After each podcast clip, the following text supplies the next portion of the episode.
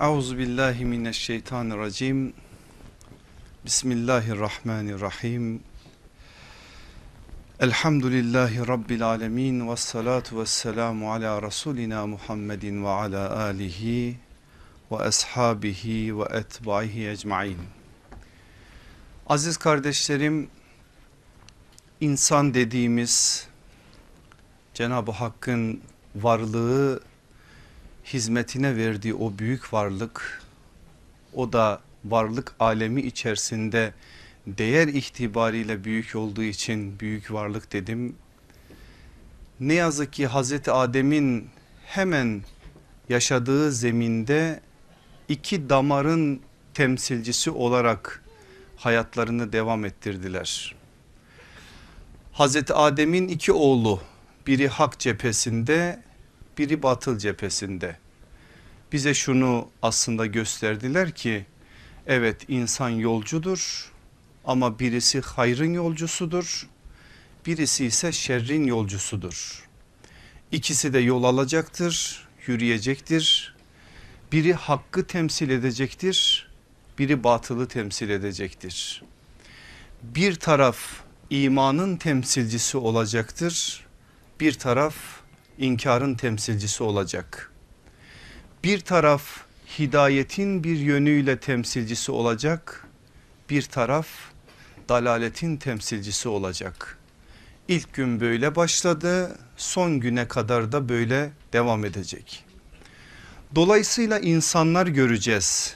İnsanlarla muhatap olacağız. Biz de o insanlardan birileriyiz. Birileri hayrın anahtarı şerrin kilidi olacak. Birileri ise şerrin anahtarı hayrın kilidi olacak. Bu son cümle güzel bir cümle. Dikkatinizi çekeyim. Zihinlerinizi toparlayın cümle üzerine. Bir taraf hayrın anahtarı şerrin kilidi olacak. Bir taraf ise şerrin anahtarı hayrın kilidi olacak. Bu kadar güzel bir cümleyi benim söyleyebilmem mümkün değil. Bu çok güzel ve gerçekten mesajları olan bir cümle. O halde bu cümlenin sahibi Cevamiül Kelim olan her sözün varlık içerisinde beşer içerisinde en kamil halini söyleyecek olan sallallahu aleyhi ve sellem efendimize ait olmalı ve gerçekten öyledir ona ait bir sözden bir hadisten bir cümle aktardım. Enes bin Malik hadisin tamamını bize naklediyor. Bu hadis İbn Mace'nin Kitab-ı Sünne babında da geçiyor. Ben tam numarasını da vereyim ilgili arkadaşlar için. Kitab-ı Sünne 237 numaralı hadis. Allah Resulü aleyhissalatü vesselam şöyle buyuruyor. İnsanlardan öyleleri vardır ki hayrın anahtarları şerrin de kilitleridir. Öyle insanlar da vardır ki şerrin anahtarları hayrın kilitleridir. Ne mutlu Allah'ın hayra anahtar kıldığı kimselere yazıklar olsun şerrin anahtarları olanlara. Allah bizi muhafaza etsin. Allah Resulü aleyhissalatü vesselam birine müjde veriyor. Birine ise başka bir şeyi olumsuz manada müjdeliyor. Hayrın anahtarı olmak, şerre kilit olmak ne demek? Hayır dediğiniz zaman ben varım deyip ortaya atılan insandır o. Sağına soluna bakmaz, farklı bir biçimde sorgulamaz Beni İsrail'in yaptığı gibi bahaneleri üretmez. Bahaneleri gözünde büyütmez. Hayır mı Allah adına ve Allah namına mı yapılıyor? Bitti. Ben bu hayırda yer almalıyım diyerek harekete geçer. O adam hayra anahtardır. Nerede hayır adına bir şey varsa o kapıyı elindeki anahtarla açar. Şerre de kilitlidir şer onun yanına dokunmaz. Çünkü hayırla meşgul olanın hayatında şerre yer kalmaz. Ama diğer kesim tam tersi şerre anahtar. Adama hayır adına bir şey söylediğin zaman 40 tane bahanesi var. Ama şer için bir şey söylenmesine bile gerek yok. şerri hakim kılma adına şerri hayatına taşıma adına müthiş bir gayreti var. Mesela bir somut örnek vereyim anlaşılsın. Gidersiniz adama hayır adına 1 lira 10 lira 100 lira istersiniz 40 tane bahanesi vardır. İşler bozuktur iflasın eşiğindedir şu kadar borcu vardır. Öyle söyler ki size acırsınız cebinizde de ne varsa onu verip bir şekilde gelmek istersiniz. Ama aynı o bahaneleri dizen adam şer adına binleri milyonları harcar ve gözünü kırpmaz. Çünkü kapalı hayra kapalı şerre açık. İşte bu iki damarı aslında Allah Resulü aleyhissalatü vesselam nazarımıza vererek bilin ve hangi damarın temsilcisi olduğunuzu tespit edin onun gereğini de yerine getirin dercesine nazarımıza verir. Ben dersin başında duam şudur Allah bizi hayra anahtar yapsın. Asla bizi hayra kilit yapmasın. Şerre kilit yapsın. Şerre anahtar kılmasın. Her daim hayır yolunda yürütsün.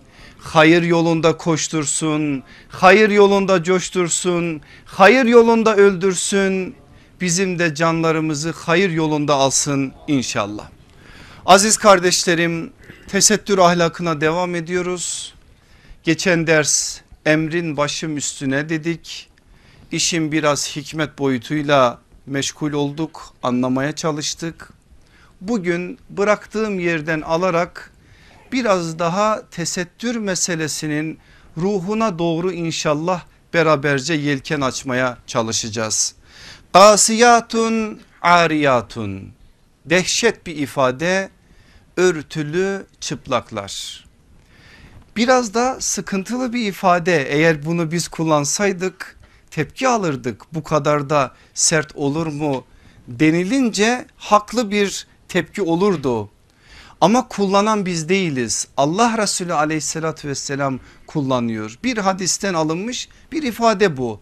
Efendimiz aleyhissalatü vesselam böyle kullandığı için biz de böyle kullanıyoruz ve onun dikkat çektiği sakındırmaya çalıştığı bir meseleyi biz de sorumluluk gereği kendi üzerimize alarak onu bunu rencide etme gibi bir amacımız olmadan meselenin bu manada nefsimize etrafımıza yakınlarımıza bizi dinleme noktasında bir şekliyle buralara gelip bu sese kulak verenlere bu mesajı duyurma adına bir gayret. Böyle anlayalım ve bunun ilk muhatabının kendi nefsimiz olduğunu hiçbir zaman unutmayalım.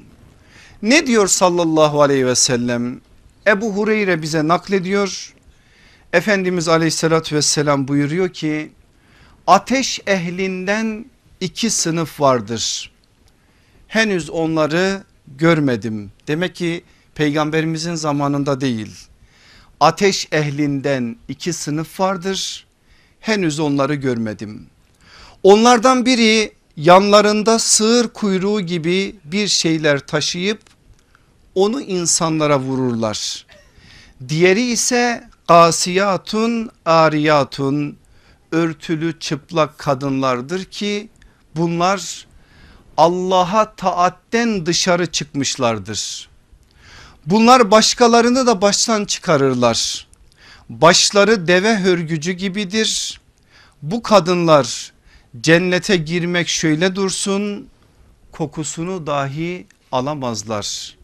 Halbuki onun kokusu yani cennetin kokusu ne kadar uzak mesafeden duyulur. Onun mesafesi şu kadar uzundur der Efendimiz bir ifade kullanır orada. Buna rağmen onlar o kokudan mahrum olurlar diyor. Müslim'in cennet babının 53 numaralı hadisi Allah hepimizi ve bütün Müslümanları muhafaza etsin inşallah. Hadisin ne olduğuna geleceğiz. Biraz anlamı adına gayret göstereceğiz. Ama burada mucizelerle alakalı da bir bahis açmak durumundayız. Çünkü burada bir mucize var. Peygamber sallallahu aleyhi ve sellemin dile getirdiği bir mucize var ve bu mucizelerin tahakkukuna dair de bizler şahitleriz. Onun için meseleyi bir yönüyle böyle de anlamak durumundayız. Mucize Allah'ın peygamberlerine iltifat olarak mübeşşirat olarak ikram ettiği önemli bir bahistir. Ve biz mucizelerin hak olduğuna Kur'an'da bunun onlarca yeri olduğunu bilir ve söyleriz. Bütün peygamberler üç çeşit mucizelerle muhatap kılınmış iltifat-ı Rabbani onlara öyle işlemiştir. Ya mucizeler hissidir ya mucizeler haberidir ya mucizeler ilmidir. Ne demek hissi mucize? Yaşayanların bizzat hissettikleri mucizelerdir. İşte Kur'an'da özellikle bazı peygamberlere ait anlatılan birçok mucize o bahistendir. Allah Resulü aleyhissalatü vesselamın dünyasında da hissi mucizeler olmuştur. İkinci bahis haberi mucizelerdir. Bu haberi mucizelerin anlamı ise şudur. O anda peygamberin haber verdiği bilgi insanlar için gayiptir. Gayb mutlak anlamda Allah'ın otoritesindedir. Ama Allah isterse o gaybtan peygamberlerine bir miktarını açabilir. Ona işte bizim kelam alimlerimiz gaybi muhberdir. Yani ihbar edilmiş gayb yani haber verilmiş gayb denir. Onlar da o bilgiyi alarak ümmetlerine muhataplarına duyururlar. Biz haberi mucizeleri üç başlıkta inceleriz. Yakın istikbalde ortaya çıkanlar, uzak istikbalde ortaya çıkanlar, ahir zamanda ortaya çıkacak olanlar. Allah Resulü aleyhissalatü vesselamın dünyasıyla sınırlı tutalım. Efendimiz aleyhissalatü vesselam bir gün kızı Fatıma'ya ehlimden en ilk bana kavuşacak olan sensin dedi mi? Dedi. Çıktı mı bu? Çıktı. Allah Resulü aleyhissalatü vesselam Ammar bin Yasir'e ey Ammar seni bagi bir topluluk öldürecek ve senin bu dünyadan son nasibin bir bardak bir kase süt olacak dedi mi? Dedi. Bunu dediği zaman bazıları şahit oldular mı? Oldular ve olayın ortaya çıkmasına da şehadet ettiler mi? Ettiler hariciler gibi bir zümrenin çıkacağına Hazreti Ali'nin başının kanından akan kanıyla şehadet şerbetini içeceğine Hazreti Ebu Bekir'in şehit olarak değil yatağında öleceğine Hazreti Ömer'in ile Hazreti Osman'ın ise şehadet şerbeti içeceklerine dair bilgileri verdi mi? Verdi ve bunun dışında daha ne kadar bilgi verdi sallallahu aleyhi ve sellem. Bütün bu bilgilere sahip olan ve bunların çıkacağına inanan o insanlar çıktıkları zaman o işler tahakkuk ettiği zaman sadak da ya Resulallah diyorlardı. Yani her sözünde sadıktın doğruydun. O söylediğin de ortaya çıktı. Sadak da diyerek tabir caizse eğer bir imza atıyorlardı peygamberin o haberinin altına biz şahit olduk anlamında uzak gelecekte uzak istikbalde olanlar vardı. Mesela şu anda içinde bulunduğumuz şu şehrin fethini Efendimiz aleyhissalatü vesselam müjdeledi mi? Müjdeledi. Çıktı mı ortaya? Çıktı. Allah Resulü aleyhissalatü vesselam farklı farklı şekillerde uzak gelecekteki bazı bilgileri de söyledi mi? Söyledi. O bahislere girersek uzun. Onlar da çıktı bazıları da çıkacak. Mesela faiz umumi bir bela olacak dedi. Diyor musunuz sadakta ya Resulallah? Diyoruz. Çünkü şahit olduk şu anda içinde bulunduğumuz şu zeminde Allah Resulü aleyhissalatü vesselamın söylediği o bilginin gerçekleştiğine şahit olduk. İlim çok ileri seviyeye çıkacak dedi Efendimiz aleyhissalatü vesselam. Şahidiz değil mi ona da bu çağda şahidiz. Bir de ahir zamanda var kıyamet alametleri var ahir zamana ait bazı fitnelerle ilgili bilgiler var. Allah yaşatırsa bizi ulaşırsak o zamana biz yine onlara sadakta diyeceğiz biz ulaşmasak başkaları diyecek. İlmi mucize Allah'ın vahiy olarak gönderdiği kelamıdır. Peygamber aleyhissalatü vesselam için konuşursak yine Kur'an'dır. Mucizil beyan olan Kur'an peygamber sallallahu aleyhi ve sellemin en büyük mucizesidir ama tek mucizesi değildir. En büyük mucizesidir. İlk günde mucizeydi son güne kadar mucize olarak devam edecek. Şimdi biz tekrardan haberi olana döndüğümüz zaman biraz önce size okuduğum bu hadis yine hepimizin sadak de ya Resulallah diyeceği bir haber bir mucizedir. Allah Resulü aleyhissalatü vesselam üç zümreden bahsetti. Dikkat buyurun üç zümre. Eli kamçılılar, örtülü çıplaklar, başları deve hörgücü gibi olanlar. Eli kamçılılar Allah Resulü ne dedi aleyhissalatü vesselam? Sığır kuyruğu gibi ellerinde kamçı taşıyanlar. Siz alete takılmayın şöyle anlayın. Zalimler gelecek insanların başına musallat olacaklar.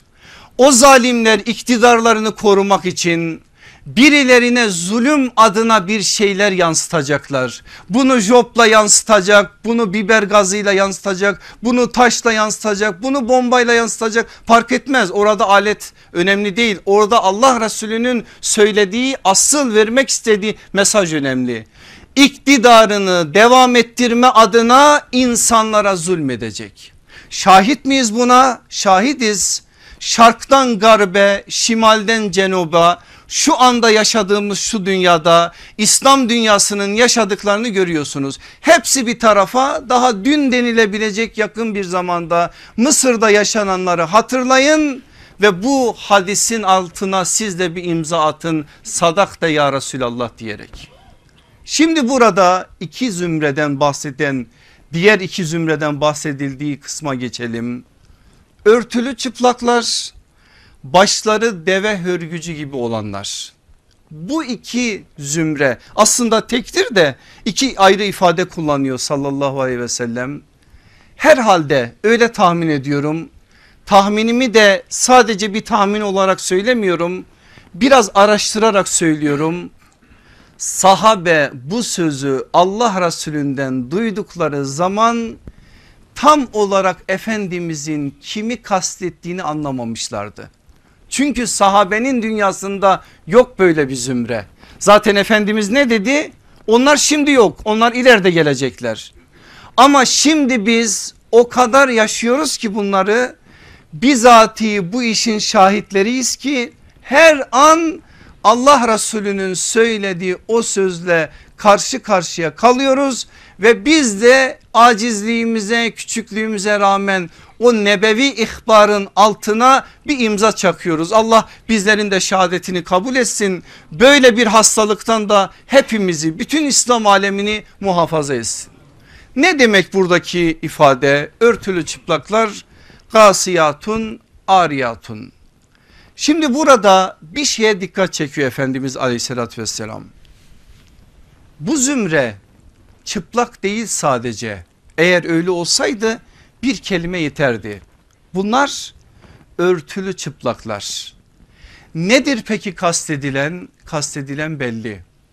Eğer bir insan tesettürü aksesuar olarak kullanmaya başladıysa o onun güzelliğini arttıracak bir şey olacak. Ve böyle olunca da artık tesettür olmaktan çıkacak. Geçen dersteki anahtar kavramı hatırlayın teberrüç olacak. Çünkü orada kadının kadınlığını teşhir vardır. Teşhirin olduğu yerde tesettür olmaz. Eğer beğenilme arzusuyla bir kadın bu manada en güzel tesettür malzemelerinden birini bile kullansa hadiste dikkat çeken çekilen o zümrenin içerisine Allah korusun dahil olur. İşte Efendimiz aleyhissalatü vesselam bu bilgiyi bizlerle özellikle de ümmetinin kadınlarıyla paylaşarak bu konuda ciddi bir biçimde dikkat üzere olmalarını istiyor. İnsan çıplak olsa belki o kadar dikkat çekmez. Ama öyle bir giyim şekli var ki bunları şuradan ben tasvir edemem size siz biliyorsunuz. Tasvire de gerek yok. Batılı burada tasvir edip safi dimağları ihfal etmenin de bir anlamı yok. Ama siz bilin ve anlayın ki çok ciddi bir problemimiz ve sıkıntımız var bu konuda. Allah Resulü aleyhissalatü vesselam da işte buna bir yönüyle parmak basıyor. Ve böyle kadınların aslında ne kadar büyük bir sıkıntıyla işin neticesinde de akıbet olarak ne kadar ağır bir akıbetle karşı karşı olduğunu söylüyor. Diğeri başları deve hörgücü gibi olanlar. Bunu hadis şarihlerimiz biraz açıklamış kendi devirlerindeki bazı şeylere kıyasen. Ne demişler? Kadınlar yine tesettür kullanarak başlarını örterek başlarını olduğundan büyük gösterip dikkat çekmek için yaptıkları her şey bu manada yapılan şeyde Allah Resulü aleyhissalatü vesselamın deve hörgücüne benzettiği şey. Onu biraz söyleyeyim ki mesele anlaşılsın. Mesela eski hadis kitaplarımızın şerhlerinde şöyle bir bilgi var. Kadınlar başörtülerinin altlarına başları büyük gözüksün diye ipler bağlar. İplerle bir şekliyle başlarını büyütürler. Bugün bunun çok daha farklı yönleri var. İşte bunlar şöyle kafa tarafında devenin hörgücünü andıran saçların bir şekliyle gösterilmeden örtünün altında saklanarak ama şekli dışarıya doğru yansıtılarak yapılan her şey Allah Resulü aleyhissalatü vesselamın dikkat çektiği şeydir. Sıkıntımız var bu konuda ne yazık ki her geçen gün çözülme adına da bir gidişat var bu konuda. Bunun önüne geçmek için bu nebevi ihbarları duymak zorundayız. Eğer cennetin kokusunu duymak istiyorsa bir kadın o koku ki kimlere nerelerden ulaşır Efendimiz onu söylüyor. Bundan mahrum olmak istemiyorsa teşhire teberrüce kapılarını tamamen kapatacak. Ve bütün Müslüman hanımlarımız şunları hiçbir zaman unutmayacak. Tesettür tarz değil farzdır. Moda değil Allah'ın emridir, kalkandır.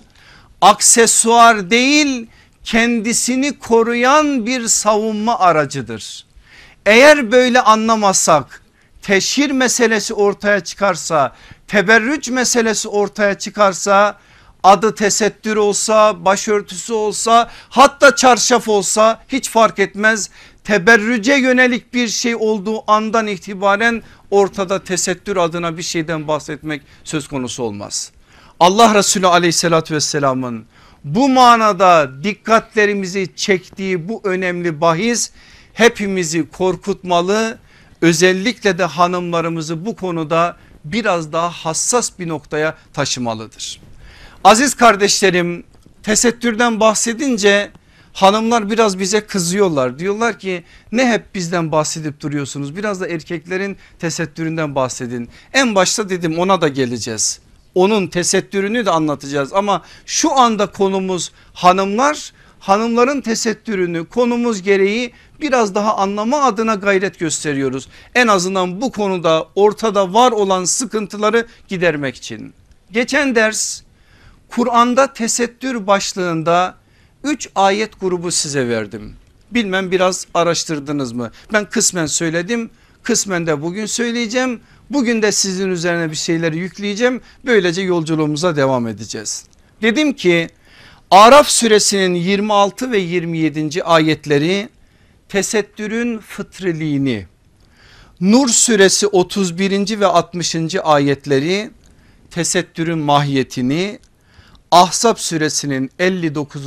ayeti ise tesettürün hikmetini bize söyler. Temel mesajları böyledir. Yoksa ayetler içerisinde birbirleriyle yakın mesajlar vardır. Başka mesajlar da çıkarılabilir. Ben bu üç ayet grubunun saadet asrındaki karşılığına ait bazı şeyler şimdi sizlere aktarmaya çalışacağım. Somut örnekler üzerinden vereceğim mesajları özellikle sahabenin nasıl anladığını peygamber aleyhissalatü vesselamın bu meselenin anlaşılması noktasında onlara nasıl mesajlar verdiğini anlamaya çalışacağız. Çünkü bu konu önemli bir konudur. Pratik örneklik olarak eğer bazı şeyler gözden kaçarsa tam anlamıyla anlaşılmayacak. Bazıları başka yerlere doğru sevk edecek meseleleri asıl olması ve alınması gereken mesajın önü gölgelenecek. Onun için saadet asrından yani son vahyin ilk muhatapları olan sahabe neslinin üzerinden meseleyi size aktarmak istiyorum. Birinci bahis tesettürün fıtriliği. Fıtridir, yaratılışlarının bir parçasıdır. Kadın cinsi latiftir, erkeğe nazaran daha fazla cazibedardır. Tesettür ise o cazibedar olan özelliğini sadece helal dairede kullanmak için Allah'ın onun üzerine yazdığı bir yazgıdır. Adem kızlarının yazgıları var o yazgılardan bir yazgı da budur. Bu fıtri olarak anlaşılması meselenin hayata taşınması noktasında da bazı kolaylıkları sağlayacak. Eğer bir kadın kendi iç dünyasında bunu anlarsa ve barışık bir hale gelirse bu konuda inanın anlama ve algılaması daha farklı olur. Şimdi bunu anlayabileceğimiz bir örnek vereceğim size. Hem de çok ilginç bir örnek. Üzerinde biraz durup düşünmemiz gereken bir örnek biraz tefekkür etmemiz gereken bir örnek. Neden böyle nasıl böyle deyip bazı soruları sormamız gereken bir örnek. Allah Resulü aleyhissalatü vesselamın kerime zevcelerinin yani analarımızın başından geçen bir örnek. Olayı bize aktaran Ümmü Seleme anamız. Dirayet kahramanı o büyük insan. Oturuyoruz diyor hücre-i saadette ben ile Meymune evin içindeyiz rahat bir haldeyiz kapı çalındı içeriye girmek isteyen gözleri görmeyen ama sahabi başımızın tacı peygamber mescidinin müezzini olan Abdullah İbni Ümmü Mektum. Kapıyı çalıp içeriye girmek için izin istediği zaman biz gelenin o olduğunu anlayınca hiç oturuşumuzu da üstümüze bir şey almaya da yeltenmedik. Allah Resulü aleyhissalatü vesselam bize döndü dedi ki Bakın gelen Abdullah'tır. Niçin almıyorsunuz örtülerinizi? Biz dedik ki ya Resulallah o ama zaten bizi görmüyor. Görmeyen birisinin yanında niye biz örtüneceğiz? Allah Resulü aleyhissalatü vesselam dedi ki o amaysa siz de mi amasınız? O anda örtülerini aldılar ve perdenin gerisine geçtiler. Şimdi analarımız da sahabenin ikliminde yetişen o güzide insanlardan bizim gibi sorular sormuyorlar fazla. Yani sorgular mahiyette bir şey yok. Mesaj anlaşılmıştır orada. Efendimiz aleyhissalatü vesselam ne dedi? Siz de aman mısınız dedi. Kalkıp da orada bir tartışma başlamadı. E ya Resulallah görmüyor falan filan onlarca şey söylenir. Belki başka noktalara çekilir ama öyle bir şey yok. Sahabeyi sahabe yapan özellik bu. Konuşan peygamberdir bir şey söyledi tamam eğer bazı şeyler anlaşılmak istenirse yine edeple yine büyük bir edeple soru sorulur. Bazen o mecliste de sorulmaz. Sahabenin böyle bir özelliği var. Efendimiz bir şey söyledi aradan bir müddet geçti. Sahabe geldi Efendimizin yanına ya Resulallah geçen gün böyle bir şey demiştiniz ya biz anlayamadık bunun için bize biraz daha açıklamada bulunur musunuz diye talepte bulunurlar. Efendimiz onun üzerinde bir şeyler söyler. Ama burada Allah Resulü aleyhissalatü vesselama o ama bizi görmüyor diyen annelerimize siz de mi amasınız siz de görmüyor musunuz dediği anda analarımız anında geriye çekildiler. Şimdi onların sormadıklarını biz soralım. Alimlerimiz sormuş Allah kendilerinden razı olsun. Mesela Azim Abadi isimli hadis şarihimiz meseleyi iyice bir irdelemiş.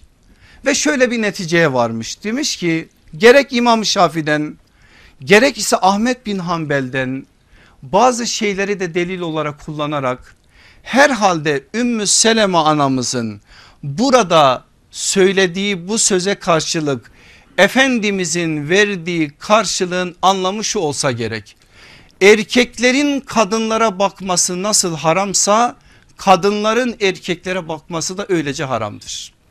Başımızın gözümüzün üstüne itiraz edecek halimiz yok. Ama şöyle bir hakikat da var ortada. Nur suresi 31. ayet direkt kadınlara hitap ederek kadınların erkeklere bakmasının haram olduğunu söylüyor zaten. Bu ayeti bilen sahabi ve bu ayeti bilen peygamber hanımları eğer meselenin o olduğunu anlasalardı böyle bir itirazda bulunmazlardı. Dolayısıyla burada başka bir şey var. Peki nedir o şey? O şey acizane benim kanaatim olarak şöyle. Allah Resulü aleyhissalatü vesselam fıtri olan tesettürün sürekli korunması adına bir gayretle sınırların ihlal edilmemesi adına kadınların dünyasına bazı şeyleri nakşetmek istiyor. Somutlaştırayım. Bu çocuktur. Bunun yanında bir şey olmaz. Falancası da akrabadır. Onun içinde bir şey olmaz. Filancası komşumuz Necmi abi komşu zaten onun yanında da bir şey olmaz. Filancası aile dostu onun yanında da bir şey olmaz. Bir şey olmaz bir şey olmaz diyerek bütün sınırların ihlal edilmesidir. Ama ne diyor sallallahu aleyhi ve sellem ama bile olsa tesettür evet belki bedeni örten bir şeydir ama ruhu da örten bir boyutu vardır.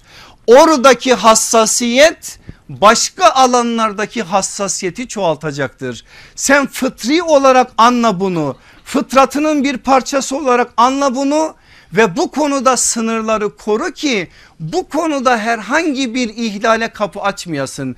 Adım adım ihlale doğru yürüdüğün zaman bu konuda hassasiyetler gevşeyecek ve başka noktalara taşınacak. Ama sen bu konuda bazı şeyleri korursan ama olsa çocuk olsa akraba olsa komşu olsa tesettür adına Allah ne diyorsa peygamber ne öğretiyorsa bu konu sağlanırsa Allah'ın izniyle o konuda Allah'ın muradı senin hayatında karşılık bulacak.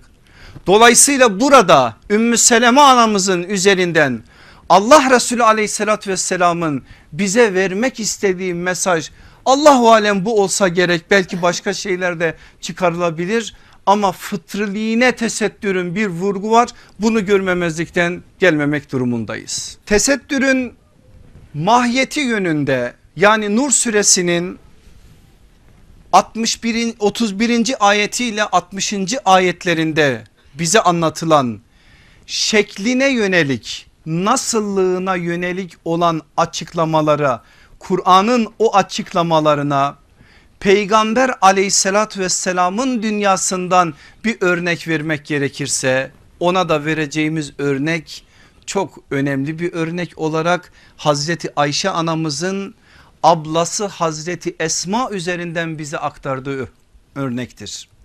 O rivayette Ebu Davud'un libas babında geçen bir rivayettir. Efendimiz aleyhissalatü vesselam bizlere bu konuda sözden ziyade dikkat buyurun bu ifademe şekli olarak bazı şeyleri nazarımıza vererek bütün itiraz kapılarını kapatmıştır. Şimdi tesettürü anlatan Nur suresinin 31. ayetinde geçen humur ifadesi başörtüsü, başörtüsü müdür, boyun örtüsü müdür, başa mı bağlanmalı, boyuna mı bağlanmalı? Bu konuda biliyorsunuz bu memlekette bile garip garip tartışmalara şahit olduk. Aleyhissalatü vesselam Efendimizin buradaki izahı hiçbir tartışmaya meydan bırakmayacak kadar net ve açıktır. Ya bu rivayeti inkar etmek durumundasın ya da bu rivayeti kabul ettiğin zaman başka bir yorum yapmamak durumdasın. Çünkü yoruma meydan vermez sallallahu aleyhi ve sellem. Sahabenin Kur'an anlayışının Kur'an'ı doğru anlamada ne kadar önemli bir alan olduğunu da bu rivayet üzerinden anlayabiliriz. Bu konuda çokça rivayetler var. Bu konu özel bir konudur. Üzerinde durulması gereken bir konudur. Onlar Kur'an'ın ilk şahitleridir. Şahit oldukları hadiseleri aktarma konusunda canlı tanıklar oldukları için onların üzerinden Allah Resulü aleyhissalatü vesselam ayetleri hayata döktürmüştür. Hayata intikal ettirmiştir. Böyle olduğu için o canlı örneklerin varlığı ayetler konusunda farklı farklı sözler söylememizin önünde engeldir. İşte onlardan bir örnek şimdi Ayşe anamızın aktaracağı örnek. Esma anamız Ayşe annemizin ablası aralarında 10 yaş fark var. Efendimiz aleyhissalatü vesselamın neyidir? Baldızıdır. Efendimiz onun eniştesidir. Enişte baldız yakınlıkları var yıllara dayalı dostluk var. Hicret yolunda Esma anamızın yaptıklarını biliyorsunuz. Hazreti Ebu Bekir Efendimizin dostudur. O eve gider gelir o yakınlık var. Bütün bu yakınlıklardan dolayı tesettür ayetinin daha ilk anlarda ilk nazil olduğu günlerde Efendimiz aleyhissalatü vesselamın yanına gelir. Daha doğrusu kız kardeşinin yanına ama üzerinde ince bir elbise vardır. Başı da açıktır Esma anamızın. O bilmiyor daha o manada kimler yanında tesettür emrinin uygulanacağını uygulanmayacağını böyle bir rahatlıkla Efendimizin yanına gelince Allah Resulü aleyhissalatü vesselam ona şunu söylüyor. Ey Esma diyor bir kadın ihtilama erdikten sonra yani buluğa erince söz biter fiil başlar mübarek elleriyle işaret ederek Efendimiz şöyle yapar. Şu uzvundan şu uzuvları dışında bütün her tarafını örtmesi gerekir. Bunlar dışındaki yerleri açık bırakması caiz değildir. Allah aşkına var mı burada herhangi bir ihtilaf? Yani artık diyebilir miyiz neresi kapanmalı neresi kapanmamalı? Diyebilir miyiz burada başka bir yorum yapabilir miyiz? Efendimiz aleyhissalatü vesselam eğer izah etseydi bize bazı şeyleri söyleseydi o izahın üzerinden belki tartışma yapabilirdik. Ama izah yok orada. Ne var Efendimiz aleyhissalatü vesselam? Yüzünü işaret ediyor. Tüy bitiminin yerinden şöyle ve elleri işaret ediyor. Şu uzuvlar dışındaki yerlerini açması caiz olmaz. Buluğa erdikten sonra bir hanımın aleyhissalatü vesselam Efendimiz net bir biçimde meseleyi ortaya koyuyor. Aslında burada peygamber sallallahu aleyhi ve sellemin yaptığı Nur suresinin 31. ayetinde geçen illa ma zahara minha kendiliğinden görünenler müstesna ifadesinin peygamber dünyasındaki fiili anlamda bir karşılığıdır. Ayet ne dedi? Kendiliğinden görünenler müstesna. Onların ne olduğunu Allah Resulü aleyhissalatü vesselam Hazreti Esma'nın şahsında bize gösterdi mi? Gösterdi. Dolayısıyla bu konuda başka şeyler söyleyebilecek bir durumumuz yok. Peki ne olacak bu konu nasıl anlaşılacak şekil itibariyle neler olacak neler olmayacak o konuya da geleceğiz. O da bugünkü mevzumuz değil ama bir dahaki dersimizin tamamen konusu olacak. Şekil itibariyle muhteva, muhteva itibariyle bu işin ilkelerine ait esasları da Efendimizin başka beyanlarının üzerinden inşallah öğrenmeye çalışacağız. Üçüncü bahis tesettürün hikmetidir. Hikmetin ne olduğunu Ahzab suresinin 59. ayeti bize verdi. İki temel hikmetten bahsettik. En yurafne yani tanınmamaları, fela yuzenne eziyete uğramamaları bunların açıklamalarını da yaptık. Ve buradan da bir tanım elde ettik tanımlar elde ettik hatırlarsanız onların üzerinde bugün de bir şey bina edeceğiz. Dedik ki tesettür Müslüman hanımın kimliğidir, şahsiyetidir, izzetidir, kalkanıdır, vakarıdır. Bu beş tane ifadenin üç tanesi tanınmayla alakalıdır. İki tanesi de eziyete uğramamalarıyla alakalıdır. O konuda da açıklamaları yaptık. Yine bu meseleyi de saadet asrından o saadetli insanların dünyasından bir örnek üzerinden anlayalım. Ebu Hureyre bize naklediyor. Olayı bize İbn Abbas da başka bir şekilde nakleder. 3-4 tane farklı rivayet var. Rivayetleri yan yana getirdiğiniz okuduğunuz zaman olayın kahramanı olan hanım sahabiyi de tespit edebiliyoruz. Büyük ihtimalle diyelim Allahu alem diyelim buna da. Burada söylenen kadın yani olayın kahramanı olan başımızın tacı olan o İslam hanımı Allah Resulü aleyhissalatü vesselamın Annemden sonra annem dediği iki kadından biri olan Ümmü Eymen anamızdır. Ancak size biraz sonra nakledeceğim rivayeti Ebu Hureyre bize naklediyor. Buhari'de geçen rivayette isim yoktur.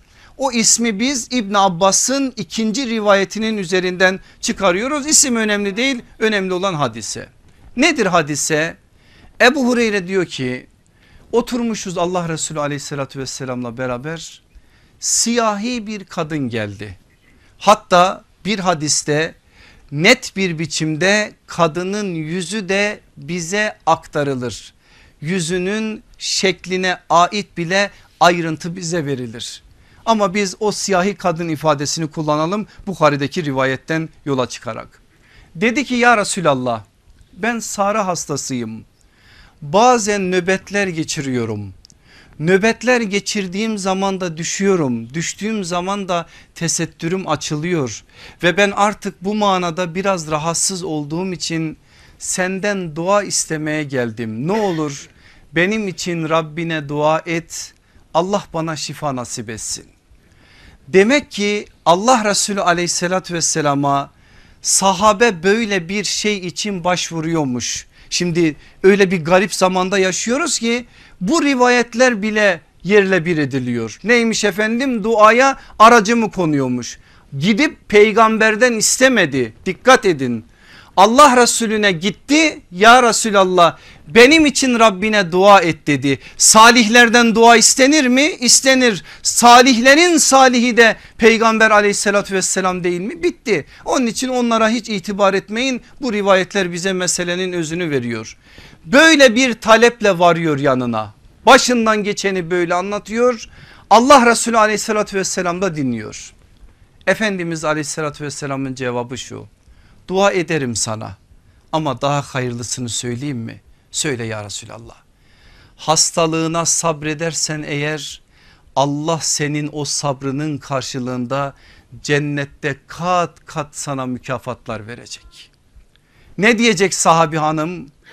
Küçüğüne razı olur mu? İster mi arzular mı? Hayır.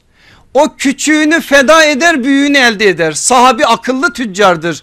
Onlar asla dünyaya dünyaya meyletmezler ve bu konudaki şeyler onu kesmez onları kesmez. Orada da o sahabi hanımın aynı tavrını görüyoruz. Tamam ya Resulallah der ama bir tek isteğim var senden. Nedir?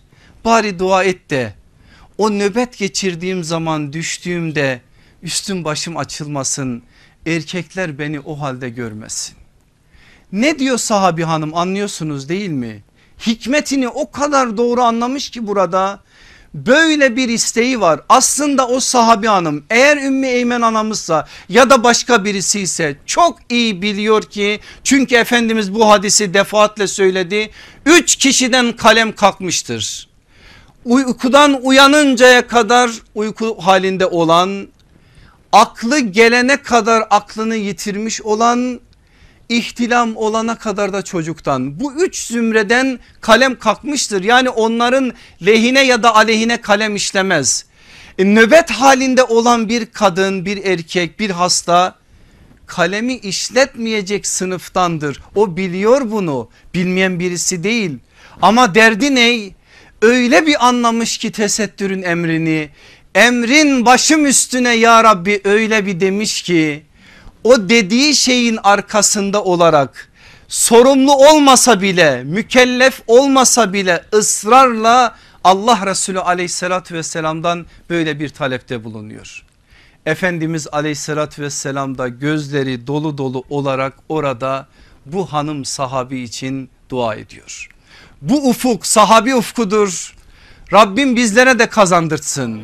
Vallahi yol budur başka bir yol yoktur. Onlar vahyin canlı tanıkları olduğu için Kur'an'ı adeta içtiler. Öyledir Mevlana çok da güzeldir. Onlarla bizim aramızdaki fark şudur. Onlar Kur'an'ı içtiler biz ise Kur'an'ı yiyoruz. Sadece dişlerimizde çiğniyoruz. Kur'an'ı yedikleri için içtikleri için onlara Kur'an adeta kanlarına girdi. Ve her biri bu manada yürüyen ayet oldu.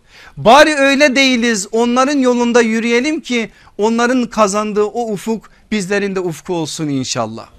Aziz kardeşlerim bu konumu tamamlayacak ve yine bunun üzerinden bazı mesajları size verecek bir bahis açmak istiyorum dersin şu dakikalarında. Hazreti Ömer ve tesettür. Niye Hazreti Ömer? Niye başka bir sahabi değil de Hazreti Ömer aklınıza gelebilir. Çünkü Hazreti Ömer'in inen tesettür ayetleriyle çok yakın bir bağı var. o bağı da anlamamız şimdiye kadar söyleyeceklerimi de bundan sonra söyleyeceklerimi de biraz daha destekleyecek. Bu manada Hazreti Ömer'in üzerinden de bazı mesajları almış olacağız. Hadis kitaplarına, tefsir kitaplarına, sebebi nüzül kitaplarına baktığınız zaman şöyle bir bahis görürsünüz. Muvaffakat Ömer, Ömer'in muvaffakat sağladığı ayetler. Nedir bu mesele? Mesele şu Hazreti Ömer Allah Resulü aleyhissalatü vesselamın ifadesiyle muhdestir. Ne demek muhdes? Konuşturulandır. Konuşan değil konuşturulandır. Allah ona ilham eder. İlham perdeleri biraz daha farklı işler o büyük insan için. Onun için o Kur'an'dan önce Kur'anca konuşur. Onun için o daha sonra Kur'an ayetleri olarak inecek olan bazı meseleleri bazı hadiseleri daha ayetler inmeden ortaya koyar ve bu konuda ısrarcı olur.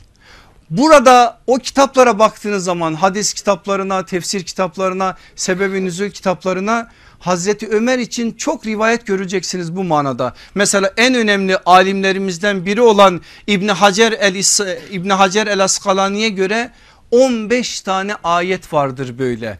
İmam Suyuti sayıyı 20'ye çıkarır 20 tane ayetten bahseder 15 ya da 20 ama onların içlerinde tesettür ayetleri de var. Hazreti Ömer ve tesettür dememiz bundan dolayı onun çerçevesinde onun bize söylediği beyanlar çerçevesinde bu meseleyi de biraz anlamak durumundayız. Bu muvaffakatlara bir baktığınız zaman mesela makam İbrahim konusunda Hazreti İbrahim'in keşke makam İbrahim musalla olsa yani namaz kılınacak yer olsa diye bir söz söyler. Ayet iner Bakara 125 Hazreti Ömer'in o sözünü bir şekliyle Kur'an'a ayet olarak koyar. Bedir esirleri meselesi var biliyorsunuz ben size birkaç kez anlattım o hadiseyi. O hadisede de Hazreti Ömer farklı bir görüş beyan eder. Enfal suresinin 69. ayet ayeti Hazreti Ömer'i destekler münafıkların cenaze namazına katılmaması konusunda Allah Resulü aleyhissalatü vesselamla bir konuşması var onun biliyorsunuz. Abdullah İbni Übey İbni Selül'ün cenazesine gitmek için Efendimiz harekete geçtiği zaman ona bu konuda karşı çıkmaya ya da onu engellemeye çalışır. Tevbe suresinin 84. ayeti ve bunun gibi daha nice ayetler nazil olur. Hazreti Ömer'in tesettür meselesinde de ısrarlı bir hali var. Bu da biraz Hazreti Ömer'in tabiatından kaynaklanır. Onun halini biliyorsunuz. Celadetini biliyorsunuz. O sert mizacını biliyorsunuz. Kadınlarla da böyle bir münasebeti var o büyük insanın. Kureyş'in kadınları, Ensar'ın kadınları hatta peygamber aleyhissalatü vesselamın hanımları başlarımızın tacı olan analarımız Hazreti Ömer'den bu manada birkaç kez şikayetçi olurlar ve bu şikayetlerini de Efendimiz'e iletirler. Hazreti Ömer'in kadınlarla bu manada münasebetini anlayabileceğiniz bir Bukhari rivayetini sizlerle paylaşmak istiyorum. Olayı bize Sad bin Ebi Vakkas Hazreti Ömer'den duyarak aktarıyor Bukhari'deki o rivayette. Olay şöyle gerçekleşiyor. Efendimiz aleyhissalatü vesselam Kureyş'in kadınlarından bazılarıyla oturmuş kendi hanesinde bazı meseleleri konuşuyorlar. O anda kapı çalınıyor ve Ömer'in sesi duyuluyor. Hazreti Ömer içeriye girmek için izin istediğinde mecliste oturan kadınların her birisi bir tarafa kaçıyor. Biri bir perdenin arkasına öteki bir tarafa öteki bir tarafa. Allah Resulü aleyhissalatü vesselam da onların halini görünce gülmeye başlıyor. O anda da Hazreti Ömer içeriye giriyor. Anam babam sana feda olsun ya Resulallah. Allah seni ebediyete kadar güldürsün. Ömer'in sözüdür bu. Ebediyete kadar güldürsün. Niye gülüyorsun? Bu tebessümünün nedenini öğrenebilir miyim diyor. Efendimiz aleyhissalatü vesselam da anlatıyor. Kadınlar buradaydı bir şeyler anlatıyorlardı. Senin sesini duydukları zaman her birisi bir tarafa kaçtı. Ömer hiddetleniyor orada ve kadınlara hitaben ey nefislerinin düşmanları diyor. Demek siz Resulullah'tan korkmuyorsunuz da benden korkuyorsunuz ha. Siz demek ki benden benle olan korkunuz Allah Resulünden olan korkunuzdan daha fazla öyle mi diyerek orada da şiddetini dile getiriyor. Allah Resulü aleyhissalatü vesselam ise o anda Hazreti Ömer'e diyor ki sen şiddetlisin sert olduğun için onlar öyle. Arkasından yine Ömer'in radıyallahu anh değerini aleme gösterecek bir söz söylüyor sallallahu aleyhi ve sellem. Nefsim kudret elinde olan Allah'a yemin ederim ki şeytan sana bir yolda rastlasa mutlaka yolunu değiştirip başka bir yola sapar. Ne demekmiş Hazreti Ömer anladınız mı? Şeytana yol değiştirten adam demekmiş. Ne demekmiş Hazreti Ömer? Şeytanla aynı yolda yürümeyen adam demekmiş. Ne demekmiş Hazreti Ömer? Şeytanı korkutan adam demekmiş. Allah Resulü aleyhissalatü vesselamın bu beyanı onu söylüyor bize. Ama biz burada özellikle biraz önce aktardığım rivayette kadınlarla Hazreti Ömer arasındaki ilişkiyi görüyoruz. Birkaç kez geliyor Efendimiz'e ya Resulallah şu kadınlara söyle de senin yanına geldikleri zaman biraz daha üstlerine çeki düzen versinler. Efendimiz bir şey demiyor sükut. Bir müddet sonra ya Resulallah şunlara söyle dışarıya çıkarken şöyle yapsınlar. Efendimiz bir şey demiyor. Duramıyor Hazreti Ömer. Bu sefer gidiyor kadınlara aynı şeyi kadınlara söylüyor. Bu sefer Efendimiz aleyhissalatü vesselamın kerime zevcelerine mesela bir gün Sevda anamıza biraz da annemiz şişmandır öyle tarif ediyor kitapları bize. Onun o halini de konuşarak Sevda anamıza bir şeyler söylüyor. Anamız da sinirleniyor gelip Allah Resulü aleyhissalatü vesselama Hazreti Ömer'i şikayet ediyor. Ve bütün bu hadiselerin arkasından Ahzab suresinin 59. ayeti onun arkasından Nur suresinin 31. ayeti. Hangi ayet önce indi hangi ayet sonra indi bu tartışmalı bir meseledir. Ama Hazreti Ömer'in bu rivayetlerini dikkate aldığımız zaman Ahzab 59'un önce Nur 31'in sonra indiğine dair de bir ipucu yakalıyoruz orada. Bu ayetler indiği zaman Hazreti Ömer'e düğün bayramdır.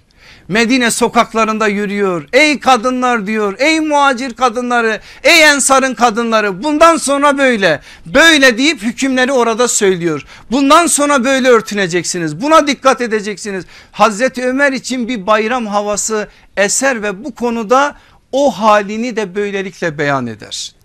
Neden özellikle tesettür meselesinin Hazreti Ömer çerçevesinde ele alınması gerektiğini de buradan anlayın. Çok önemli bir bilgi daha vereceğim size kıymetli kardeşlerim. Harise İbni Mudarrib Hazreti Ömer döneminde yaşamış ve bir dönemde Hazreti Ömer'in valiliklerinden birinde görev almış birisidir. Şefkani Fethul Kadir isimli kitabında bu bilgiyi bize aktarır. Der ki Ömer bize yani valilerine Nisa, Ahsap ve Nur sürelerini öğrenin diye emir gönderdi. Dikkat buyurun. Ömer nedir? Halifedir. Müslümanların emir el müminidir. Valilerine ne gönderiyor emirname olarak? Diyor ki bu görevi yapabilmeniz için Nisa, Ahsap ve Nur sürelerini çok iyi öğrenin. Neden peki? Bu üç süre geçmiş dersleri hatırlayın ısrarla üzerinde durduğumuz bir şey var. Aile hukukunu Kur'an'da anlatan en önemli ayetler en önemli de süreler. Aile meselesinin ve bunun hukuksal düzleminin İslam toplumunda iyice anlaşılması gerektiği konusunda bir hassasiyetten kaynaklanıyor Hazreti Ömer'in buradaki gayreti. Çünkü toplumun yıkımı aileden oluyor bu konudaki zafiyetler Kur'an'ın yol açtığı Kur'an'ın önümüzü açtığı o rehberiyetle yürütülmezse asla düzene girmeyecek ve sıkıntılar başını alıp gidecek. Yakın bir zamanda bir kadın cinayeti işlendi bu memlekette. Astılar, kestiler, konuştular. Kısas gelsin, şu olsun, bu olsun. Konuşan var mı şu anda? Yok, bitti bir tane daha ölürse eğer bir daha aynı türküleri söyleyeceğiz. Böyle bir şey yok işte. Hazreti Ömer meselenin özünü söylüyor. İlle bir şeyler mi olsun insanlar bu meseleleri konuşsunlar? İlle canlar mı yanacak? İlle yuvalar mı yıkılacak? Valilerine verdiği emir budur. Bu üç süreyi iyice öğrenin ki gereğini yerine getirin. Ahkamını öğrenin insanlarla bu manada muameleriniz olsun. Ortaya çıkacak olan arızaları önleme adına da tedbir olsun. Bununla da yetinmiyor. Ne diyor biliyor musunuz Hazreti Ömer? Özel olarak kadınlara. Kadınlar diyor haklarınızı öğrenmek istiyorsanız Nur suresini iyice öğrenin. Çünkü Allah o sürede sizin haklarınızı ve sorumluluklarınızı anlatıyor. Öğrenin bilin Allah katında bu manada söylenen sözleri neler yüklemiş neler sizden istiyor verilenler ney beklenenler ney bunları öğrenin ki gereğini yerine getirin. E siz bunları yapmazsanız başka yerlerde dertlerinize derman ararsanız hiçbir zaman derdinize derman bulamayacaksınız. Kur'an gibi bir güçlü sermaye olmasına rağmen halen açlık ve sefalet içerisinde kıvranıp duracaksınız. Allah bizi onlardan etmesin inşallah. Aziz kardeşlerim size bir ödev vermek istiyorum. Öyle hep hazıra gelip burada almak olmaz. Biraz girmek lazım kaynakların içerisine. Belli şeyleri biz irdelediğimiz zaman zihinde daha kalıcı oluyor. Şunu hiçbir zaman unutmayın. Bedel ödediğiniz şey bedelinizin nispetinde hayatınızda yer alır. Ne kadar bedel öderseniz o kadar o şeyi koruma noktasında da gayret gösterirsiniz. Mesela bunu şöyle de anlayabilirsiniz. Niçin sonradan Müslüman olanlar bizim gibi babaları anaları Müslüman olanlardan daha fazla İslam'ın kıymetini biliyorlar. E biz miras aldık onlar ise bedel ödedi. Kazandılar gayret gösterdiler onun için onu koruyorlar. Şimdi biz de bazı şeyleri anlama adına bazı şeyleri zihin dünyalarımıza iyice nakşetme adına bazı şeylerden daha fazla istifade etme adına bazı bedelleri ödemek durumdayız. Size bir hafta mühlet bir tane de soru. Hazreti Ömer'in bu üç sürede Nisa suresi, Nur suresi, Ahzab suresi bu üç sürede tesettür meselesinin dışında da çok önemli hatıraları var. Bu üç tane hatırası ne? Bu sürelerle Hazreti Ömer arasındaki bağların bir yönüyle yansımasına ait mesajlar. Üç süre üç tane Ömer'i hatıra bunları inşallah tespit edeceksiniz. Bir dahaki dersimizin başındaki konu bu olacak inşallah. Yavaş yavaş toparlıyorum aziz kardeşlerim. Pakistan'ın yetiştirdiği önemli isimlerden bir tanesidir Ebu Ala Mevdudi. Hicap diye bir kitabı var bilmiyorum bilenleriniz görenleriniz okuyanlarınız var mı? Hicap kitabı biraz kalınca bir kitaptır. Hicap örtü biliyorsunuz ama örtüye ait olan anlatılan kısım biraz azdır orada. Orada biraz daha farklı meseleler irdelenir. İslam nazarında kadının değeri sorgulanır. İslam öncesi kadının yerine ait bilgiler verilir. Başka e, kültürlerde kadının yerine dair bazı bilgiler verilir ve İslam'ın kadına kazandırdıklarını da söyledikten sonra meselenin hicap konusuna getirir sözü dayar. O kitabın ön tarafında yayıncının mı mütercimin mi belli olmayan bir kıssa anlatılır. Kıssa şöyle kimin olduğu belli değil belki yayıncı belki mütercim onu koymuş yazmadıkları için bilmiyoruz ama kitaba bakabilirsiniz. Abbasi devrinde yaşanmış bir kıssa. Nedir kıssa? Bir genç hanım Abbasi devri o günlerde örtülü tesettürlü sokakta yürürken bir genç ona musallat olur. Onun arkasından biraz yürür başka bir genç o gencin hanımı rahatsız edeceği endişesini içinde taşır. Diğer genç de o genci takip etmeye başlar. Önde bir hanım arkasında bir erkek o erkeğin arkasında bir erkek. Böylece yürürler. Yolun kesiştiği bir noktaya gelince o izleyen genç genç hanıma cesaretini toplayarak Allah Ali İbni El Cehme rahmet etsin der. Bir şair ismini söyleyerek böyle bir rahmet okur.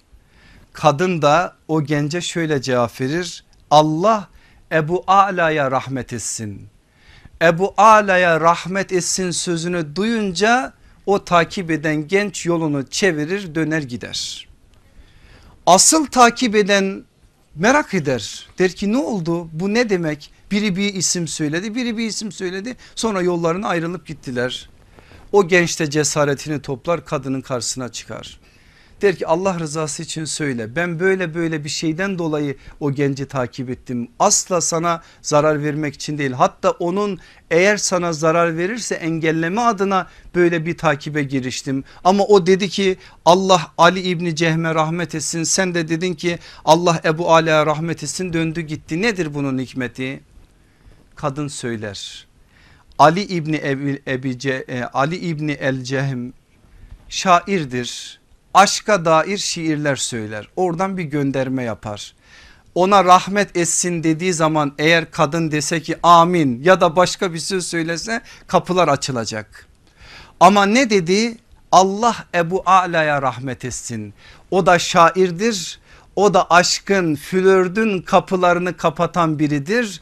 Bu kapı sana kapalı dere, diyerek oradan bir mesaj verir ve onu kendi başından def eder.